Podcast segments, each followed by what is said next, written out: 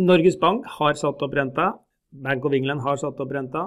Amerikanske sentralbank setter opp renta i mars. Nå ser det også ut som ECB kommer på banen eh, og kan ikke utelukke renteøkninger eh, allerede i år.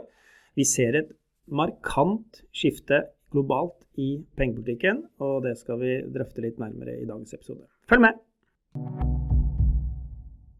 Velkommen til podkasten Nordea Markets fra innsiden. Det har blitt tirsdag 2.2. Jeg heter Lars Mauland, og med meg har jeg Kjetil Olsen. Og Kjetil, nå ser vi det skjer enda mer ting på sentralbanksiden. Og nå er det ECB som er måte, neste bank ut som har gjort en del endringer, ser det ut som? Eller tenker på å gjøre en del endringer? Ja, det er nesten sånn nå står ikke verden til påske lenger. Nå, Den pressekonferansen eh, hun Lagarde hadde i forrige uke, det markerte et ganske eh, drastisk skifte, syns jeg, eh, i forhold til hvordan ECB tenker om framtiden. Um, hvis vi ser tilbake til desember, så sa sentralbanksjefen Lagarde at uh, det var helt usannsynlig at det ble noe renteøkning i 2022.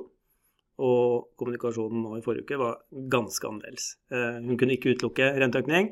Eh, det var en enstemmig komité som pekte på risikoen for eh, pris- og lønnsvekst. Ja. Mm.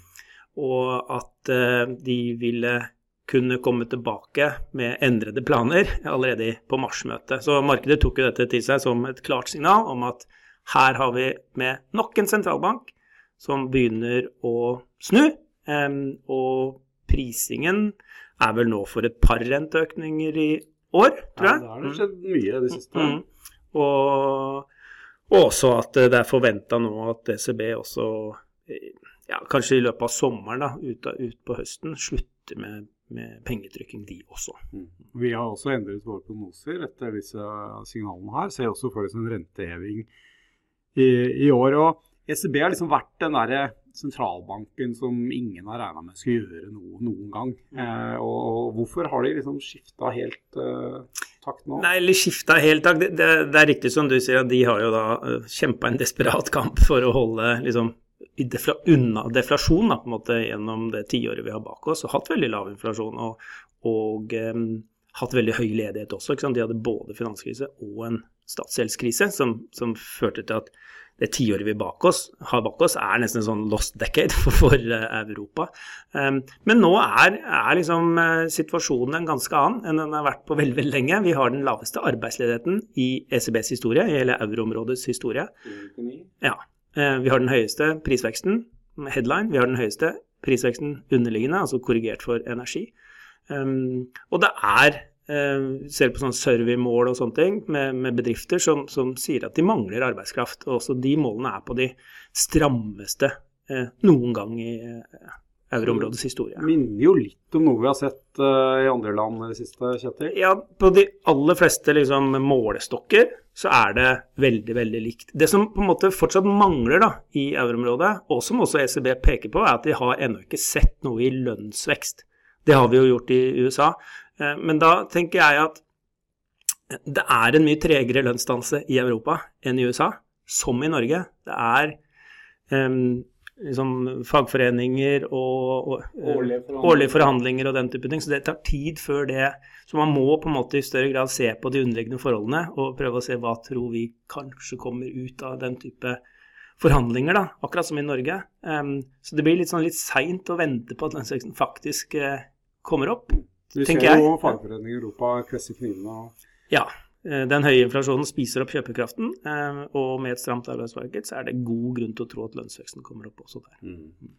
Nei, det blir, det blir, spennende. Som sagt, ECB har liksom vært de som har uh, vært de mest doishe egentlig i klassen uh, stort sett veldig lenge. og Markedet har jo også lært seg dette her etter hvert. Det tok jo litt tid før de måtte, å venne seg til den, den politikken. Men uh, det har jo vært en kamp om å bare få tak i obligasjoner i Europa. Mm. ECB har kjøpt så vanvittig stor del. Kjøpt mer enn eh, landene utstedt i, enkelte land utstedt i statsgjeld. Så den, den snuoperasjonen som er på vei nå, den tror jeg kommer til å merkes ganske godt. Uh, du sa vi har sett de prisingene allerede. Vi har sett på sånne Eh, forskjeller i renter mellom ulike land i eurosonen har skutt i været, mellom Italia og Tyskland f.eks. Og kanskje valutakursen også er vel et sted hvor vi regner med at det kommer til å skje ting. Ja, for der også har det vært liksom eh, Så langt, da før ECB liksom begynte å snu, eh, så har det vært ganske sånn ikke opplagt, men veldig sånn klar idé om at dollaren skulle styrke seg i takt med at Fed liksom eh, strammer til, øker renta, og renteforskjellen øker.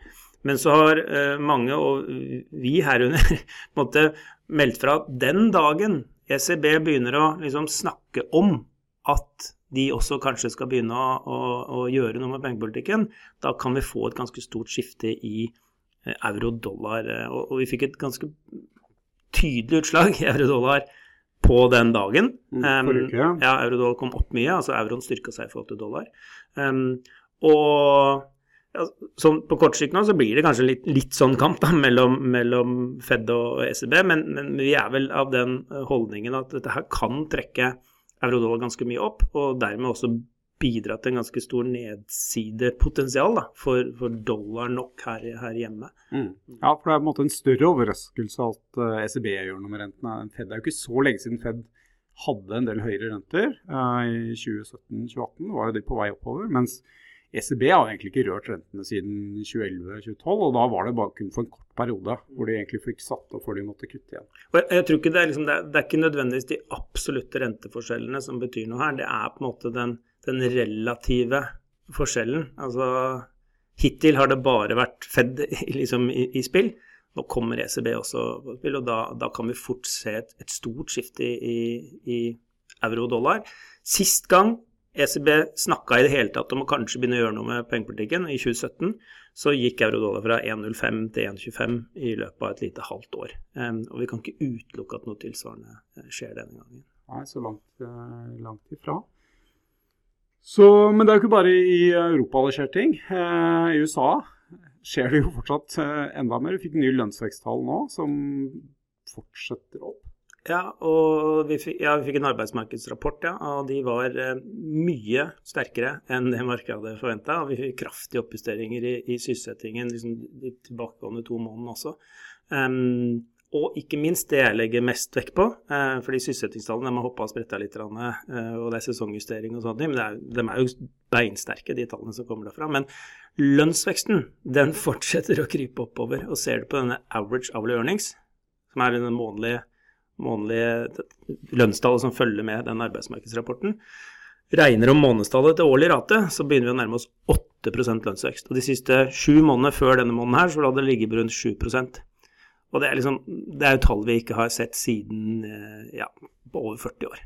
Ja, og, og, det er klart når lønnsveksten begynner å nærme seg 8% så er det opplagt at det fører til økte priser ut til husholdninger og konsumenter. Um, fordi bedriftene må forsvare sine marginer.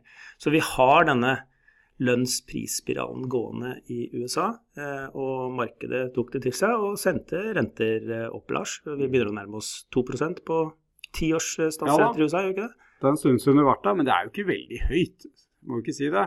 Og det er jo liksom, litt merkelig når man ser på markedsprisingen nå, så priser jo markedet en ganske heftig oppgang i styringsrenta neste halvannet året. Mange, mange hevinger. Mens uh, fortsatt er liksom, ja, tiårsrenter 2% ja, høyere enn det har vært, men, fortsatt veldig veldig lavt. og Spesielt hvis vi liksom ser på hvor, hvor, prisveksten er. Og Det er en slags sånn dynamikk her som gjør at uh, før Fed får hevet rentene, så er det veldig attraktivt, disse 2 %-rentene. Mange utenlandske investorer de låner dollar i FX-oppmarkedet og betaler egentlig da denne kortrenta som ligger veldig tett på styringsrenta, og mottar de lange rentene på, på 2 Men når Fed får heva vet ikke hvor mange ganger de hever i året, 4, 5, 6, 7, hvem vet, eh, så blir det regnestykket mye dårligere. Og vi har sett stor interesse fra utenlandske investorer, særlig japanske i det siste. og vi ser at deres reaksjonsmønster er veldig styrt av denne forskjellen da, mellom kort og lange renter. Så regner med at hvis lange renter ikke stiger, så går den, eh, faller den etterspørselen tilbake. Og det vil jo i sin tur da drive rentene høyere. Eh, og I tillegg så er det jo sentralbanken som fortsatt kjøper. Nå er det jo ikke mange ukene igjen før de er ferdig med det, men de er fortsatt på, på kjøperen. Og de skal jo snu til å bli selgere eh, til, til, sommeren. Så disse strømmene her, de er eh, veldig viktige for, eh, for, lange renter. Og ECB også. Ja, fordi markedene henger jo sammen også. Vi har nå hatt en lang periode hvor de store sentralbankene har kjøpt mye verdipapirer for å presse lange renter ned. Det er ikke bare Fed, ikke det er Bank of England, det er ECB, Bank of Japan. Og nå den ene etter den andre stopper opp, og etter hvert begynner å bygge balansene ned, og så er vel er ikke, Jeg skal ikke si det er opplagt, men det er liksom det er opplagt å tenke seg at det kan i hvert fall komme til å kanskje kunne ha konsekvenser da, for ja. rentenivået. Mm. Helt enig, og jeg tror vi vil bare fortsette å se høyere og høyere rentenivåer uh, lang tid fremover.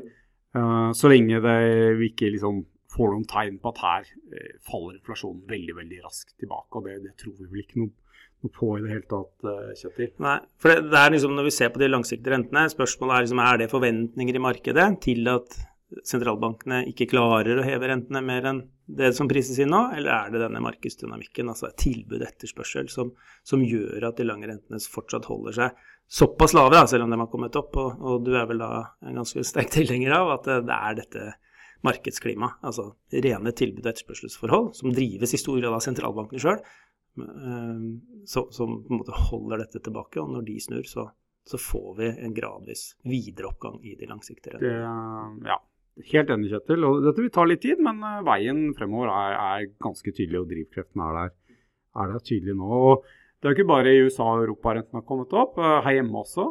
Og vi har jo sett en, en sånn smitteeffekt fra Ja, vi har hatt gode tall fra, fra Norge også, men eh, det er nok i stor grad en, en smitteeffekt fra amerikanske og europeiske renter over på, på norske. Og prisingen nå begynner å bli ganske frisk i Norge i, i kortenden. I, I, fronten, ja. ja mm, mm. Og du må legge inn egentlig litt mer enn 25 basepunkter i kvartalet nå for å få regnestykket til å gå opp på de, de kortrentene. Vi tror jo ikke at eh, Norges Bank kommer med noe mer enn det. Men det er helt klart rom for å fortsette å heve renten ganske mye høyere enn det Norges Bank nå signaliserer. Vi har jo sett tidligere at Norges Bank er veldig styrt av det internasjonale rentenivået. Så hvis, når, sånn som vi tror, internasjonal rente kommer opp en del, så, så kommer nok Norges Bank også med andre signaler om styringsrenta eh, etter hvert, og hva de mener er, et nøytralt rentenivå. Så dette vil, det vil ta litt tid. og klart En, en lang lang periode nå hvor markedet har vært vant til støttekjøp fra sentralbankene og vant til at liksom, med en gang renten har kommet til topp, så har det blitt presset ned. Det tar tid å, for markedsaktørene å endre den oppfatningen. og Derfor tar det også tid for rentene kommer opp på det nivået som de kaller bør være, da, eller, eller, kommer til å komme på. Så ja, store bevegelser. Eh, vi har nå eh, stort sett alle sentralbankene med seg. Det er vel Bank of Japan som fortsatt eh, ikke har snudd. I, Japan så er heller ikke prisveksten kommet opp langt nær så mye som det vi har sett i andre deler av verden. Og det kan jo være at der er prisingsdynamikken litt annerledes. Men Fed, ECB, Bank of England, alle på eh, snu, kurs. Noen kommet litt lenger enn andre. Og, og det, vi, det, er det som vil være med på å dytte rentene oppover her.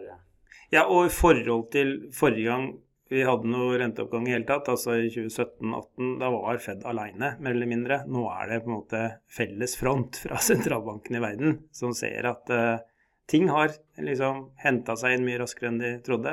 Prisveksten har kommet opp mye raskere enn de trodde. Det ser ut til at den blir værende høyere lengre enn de trodde.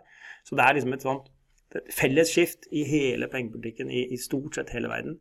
Um, og ja, det er, det er, veldig interessante tider. Uh, og, og, det markerer et enormt skift fra, fra det tiåret vi egentlig har, har, bak oss. Mm. Så det blir spennende. Vi får uh, mye mer detaljer på hva sentralbankene tenkes å gjøre sånn rent praktisk, med rentehevinger, med reduksjon i balanser. Det får vi vel på, stort sett på disse rentemøtene i mars.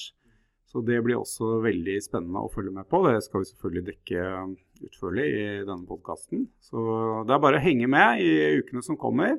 Eh, og inntil videre er det bare å binde renta. Renten skal videre opp. Takk for oss.